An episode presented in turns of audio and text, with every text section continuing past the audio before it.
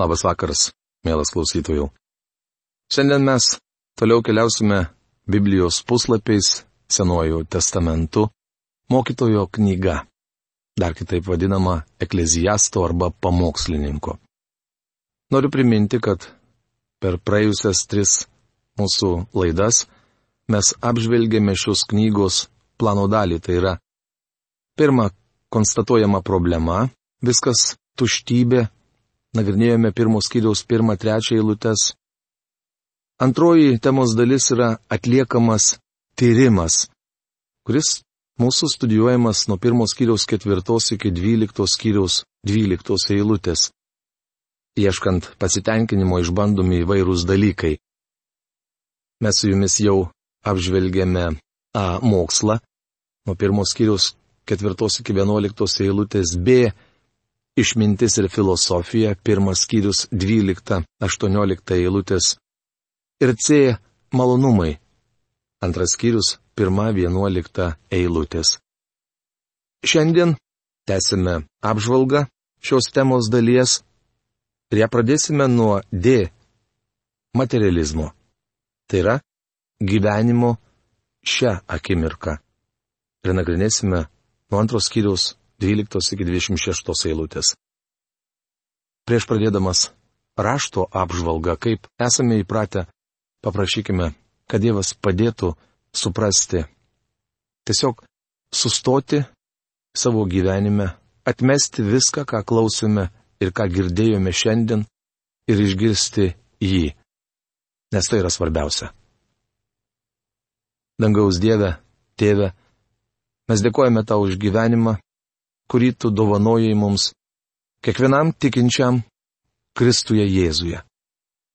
Dėkojame tau, dangaus Dieve, kad šiandien galėjom darbuotis, o šį vakarą susirinkti ir palengti savo širdis prieš tave ir prašome. Prabilk. Dabar į mūsų širdis per savo amžinai žodį ir padėk mums suprasti tas dvasinės tiesas, kurios užrašytos šitoje šventojo rašto dalyje.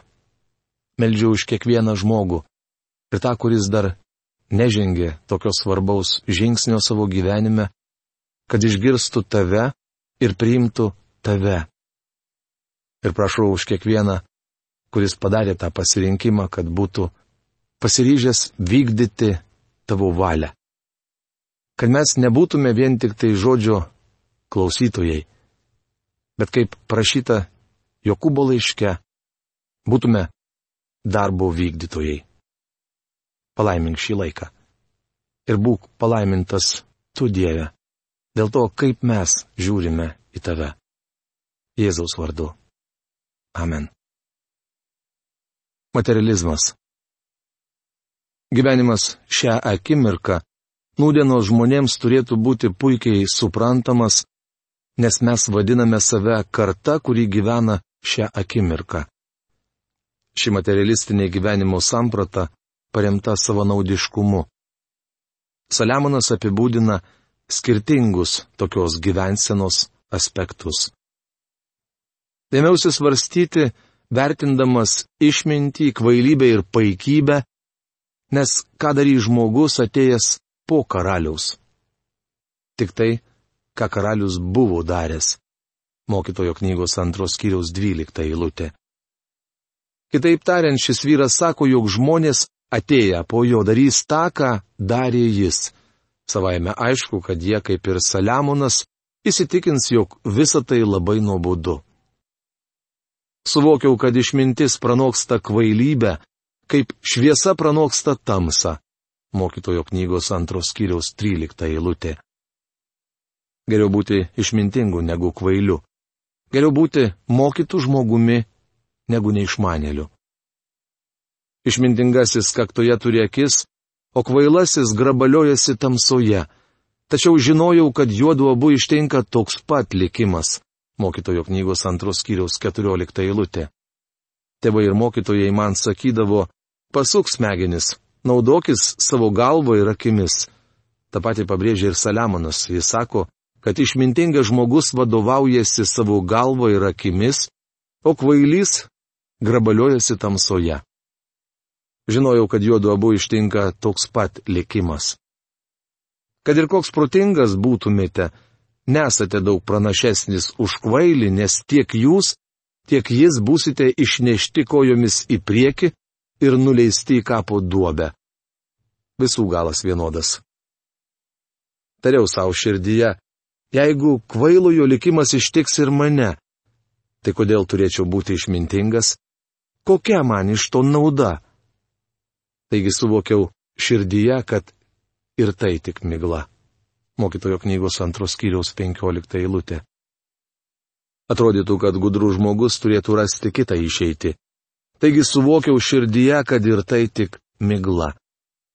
Įdomu, kad didieji išradimai ir mokslinė pažanga nepadėjo šio laikiniam žmogui labai daug pailginti savo gyvenimu. Teigiama, kad vidutinė gyvenimo trukmė pailgėjo dešimčia ar daugiau metų. Tačiau tūkstantmečio ar amžinybės fone tai nieko nereiškia. Amžinybės laikrodyje dešimtmetis nesudaro nei sekundės. Juk nėra nei išmintingųjų, nei kvailųjų išliekančio atminimo, nes ateities dienomis vieni ir kiti bus užmiršti. Tad kaip gali išmintingasis mirti lygiai taip, kaip miršta kvailasis? mokytojo knygos antros skyriaus 16 eilutė. Dar kartą pakartosiu, kad išmintingieji, kaip ir kvailieji, neišvengs mirties. Galbūt jūsų intelekto koeficientas labai aukštas, nes iš prigimties esate protingas. Gal įgyjote aukštąjį išsilavinimą ar net gavote daktaro laipsnį. Visą tai netitolins mirties valandos, o jei prisertinus, nieko nepadės. Kai bus metas iškeliauti, turėsite palikti šį pasaulį. Pradėjau būdėtis gyvenimu, nes visa, kas vyksta po saulė, man kėlė nerimą. Visa tai tik migla ir vėjų vaikymasis. Mokytojo knygos antros kiriaus 17 eilutė. Noriu priminti, kad migla reiškia tuščia, beprasmiška, netikslinga. Kokia nauda iš viso to, kas vyksta po saulę? Jums leidus pateiksiu vieną pavyzdį. Mokslininkas Tomas Edisonas galėtų būti darbštumo ir uolumo simbolis. Fort Myerse, Floridos valstijoje iki šiol išlikusi jo laboratorija. Jei kada būsite toje valstijoje, būtinai aplankykite šio mokslininko namus ir laboratoriją, kurioje jis triūsė dieną naktį, atlikinėdamas begalę bandymų. Aišku, dauguma tų bandymų niekada taip ir nepavyko, Edisoną kamavo baisi nemiga. Laboratorijoje jis buvo pasistatęs mažą lovelę, kurioje retkarčiais šiek tiek nusnūsdavo. Nemanau, kad šio mokslininko gyvenimas būtų labai įdomus, tačiau turėtume jam būti dėkingi už daugelį svarbių išradimų. Elektros lemputė ir visi šiandien naudojami įrašymo prietaisai yra Edisono eksperimentų rezultatas. Šis vyras buvo genijus, tačiau kaip ir visi kiti mirė. Taigi, kokia nauda iš genialumo? Matydamas, kad turiu palikti žmogui ateinančiam po manęs, būdėjausi visais savo triūsų vaisiais, kuriuos buvau sukaupęs po saulę. Mokytojo knygos antros kiriaus 18 eilutė. Ar kada susimastėte apie tai, kad vieną dieną, palikę žemėje viską, ką turime, iškeliausime? Kokia mums iš to nauda? Daugelis žmonių triūsia visą gyvenimą, kad sukauptų nors truputėlį šio pasaulio gerybių, o tuomet palieka visą tai kokiam nors bedieviui giminaičiui. Kartais kai kas nusprendžia palikti savo santaupas krikščioniškai organizacijai. Taip besielgiantys žmonės nori, kad po jų iškeliavimo pinigai pasitarnautų Evangelijos plitimui. Tačiau ar kada nors susimastėte, kiek krikščioniškų organizacijų nukrypo nuo tikėjimo ir nebemoko Dievo žodžio. Pavyzdžiui, ponas Džonas Harvardas, Harvardo universiteto įkūrėjas, buvo fundamentalių pažiūrų tikintysis. Jis norėjo, kad jo pinigai būtų panaudoti įtvirtinant fundamentales krikščioniško tikėjimo tiesas. Tačiau šiandien fundamentalaus tikėjimo Harvardo universitete nerasite nei su žiburiu. Reiškia, pono Harvardo palikti pinigai naudojami priešingiems tikslams, negu buvo numatyta. Šiandien kai kurie žmonės palieka savo santaupas organizacijoms, kurios vadina save krikščioniškomis. Tačiau jie neturi jokių garantijų, kad organizacija liks ištikima krikščioniškam tikėjimui. Žinome, kad Saliamonas susidūrė su tokia pat problema. Ši istorija išsamei aprašyta karalių pirmos knygos 12 skyriuje. Saliamonas paliko karalystę sūnui, o šis dėl savo kvailo išdidumo ją suskaldė. Tai buvo tragedija. Kas žino, koks jis bus? Ar išmintingas, ar kvailas, tačiau jis tvarkys visus mano triūso ir išminties vaisius po saulę. Tai irgi migla. Mokytojo knygos antros kiriaus 19 eilutė. Saliamonas matė, kad neverta lieti prakaito kaupiant turtus, nes vėliau koks nors kvailys juos išvaistys. Vėl mano širdis polė į nevilti dėl visų triūso vaisių, kuriuos buvau sukaupęs po saulę mokytojo knygos antros kiriaus 20 eilutė. Atkreipkite dėmesį, kad čia vėl pabrėžiama, jog visa tai vyksta po saulę. Tai masto žmogus be Dievo, o toks požiūris visuomet skatina pesimizmą. Dievo vaikas, kuris yra prikeltas ir pasodintas danguje Kristuje Jėzuje, taip rašoma, būtinai perskaitykite Efeziečiams laiško antros kiriaus šeštą eilutę taip mąstyti neturėtų. Juk visos jo dienos kupinos skausmo, o jo užsiemimas apmaudas. Net naktį jo širdis neturi ramybės. Tai irgi migla. Mokytojo knygos antros kiriaus 23 eilutė. Saliamonas suprato, jog neverta dėl to nerimauti, nes vis viena neįmanoma nieko pakeisti. Tad nieko nėra geriau žmogui, kaip valgyti bei gerti ir rasti pasitenkinimo savo triūse. Net tai, kaip pastebėjo, ateina iš Dievo rankos. Juk kas be jo turės ko valgyti ir ras pasitenkinimo. Iš tikrųjų žmogui, kuris jam patinka, Dievas suteikia išminties, išmanimo ir džiaugsmo, o nusidėjėliui jis užkrauna vargą rinkti ir kaupti nuosavybę, kad būtų atiduota tam, kuris patinka Dievui tai irgi migla ir vėjų vaikymasis. Mokytojo knygos antros kiriaus 24-26 eilutės. Mielas bičiuli, nesvarbu ar esate Dievo vaikas, ar net gimdytas nusidėjėlis. Tačiau jei gyvenate vien dėl savęs, žinokite, kad tai tik vėjų vaikymasis. Galiausiai jūsų širdis apkars, o saujoje liks tik žipsnelis sausų lapų. Mokytojo knygos trečias skyrius. Šiame skyriuje rašoma, kad Saliamonas bando vadovautis pasaulio filosofija, kuri vadinama fatalizmu. Anksčiau tokia filosofija buvo būdinga pagonims. Antikos laikais ją skelbė Platonas, o dabar propaguoja budizmas. Šiais laikais kai kurios sektos dedasi skelbiančios šlovingą tikėjimą Dievu, tačiau iš tikrųjų jos remiasi fatalizmu. Amerikoje taip pat labai populiari fatalizmo filosofija. Dažniausiai mano rengiamos Biblijos konferencijos baigėsi ketvirtadienio vakarą, o penktadienį įskrendu namo. Kai penktadienio popietę skrendu lėktuvu iš kokio nors tolimo miesto, pastebiu, kad didžioji keleivių dauguma būna vyrai. Tai dažniausiai vedė vyrai, prekybininkai ir įvairių kompanijų atstovai. Jų šeimos gyvena pietų Kalifornijoje. Tai reiškia, kad kiekvieną penktadienį jie sėda į lėktuvą ir skrenda namo. Dauguma iš jų būna išvargę, iš veidų matyti, kad visą savaitę jie sunkiai dirbo. Kai kurie lėktuvai ima pildyti galutinę ataskaitą, tikėdamiesi, kad dar suspės užnešti ją į kontorą. Jeigu nespėjo to padaryti, grįžę namo išsiunčia ją paštu, kad pirmadienio rytą kompanijos prezidentas turėtų informaciją apie atliktą darbą. Vyrai išgeria vieną kitą taurelę ir pasigirsta juokas. Jaučiu, kad juokiasi alkoholis.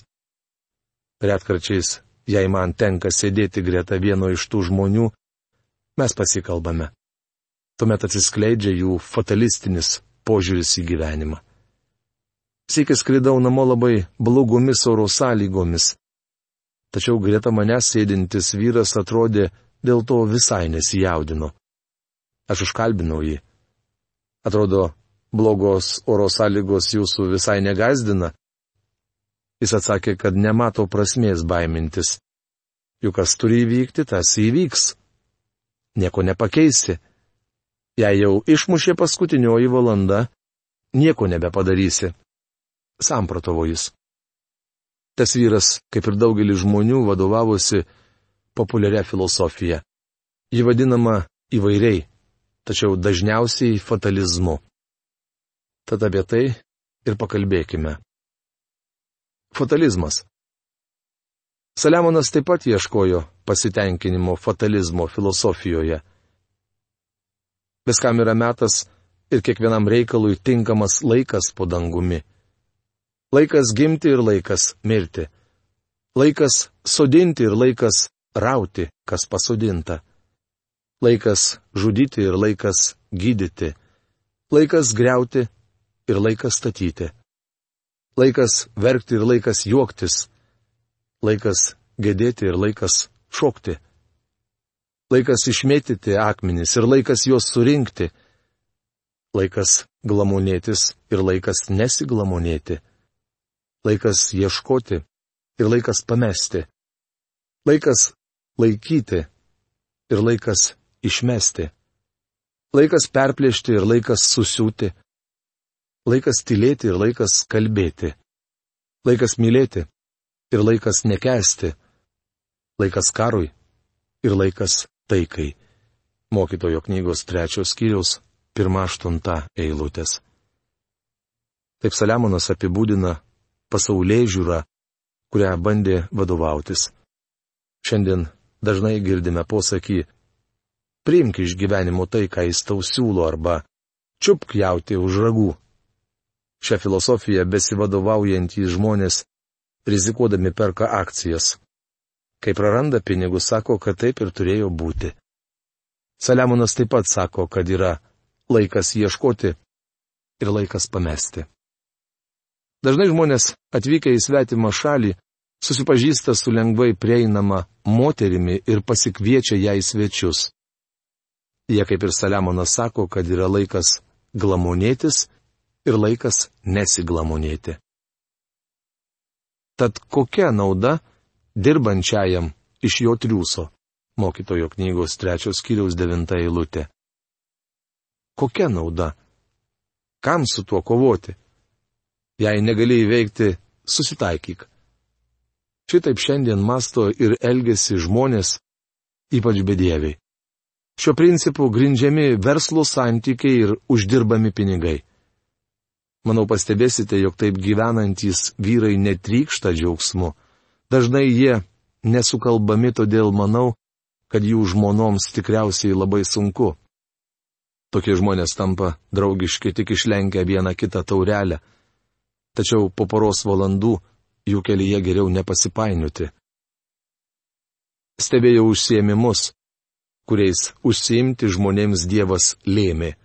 Mokytojo knygos trečios skyriaus dešimta eilutė. Atidžiai visus stebėjęs, Saliamonas padarė išvadą, kad visus ištinka bėdos. Jis sako, kad reikia tik džiaugtis, jei pavyksta jų išvengti. Visa, ką jis daro, tinkama tam laikui. Bet to jis įdėgė amžinybę į jų širdį, bet žmogus negali perprasti nei pradžios, nei pabaigos to, ką Dievas daro. Mokytojo knygos trečios skyriaus vienuolikta eilutė.